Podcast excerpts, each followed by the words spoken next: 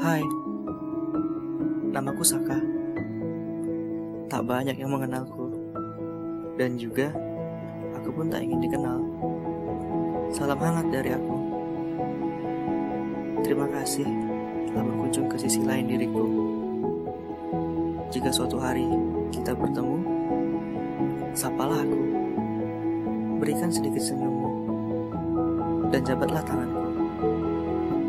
Bisa mengenalmu adalah hal terindah dari sekian banyak hadiah yang pernah aku terima.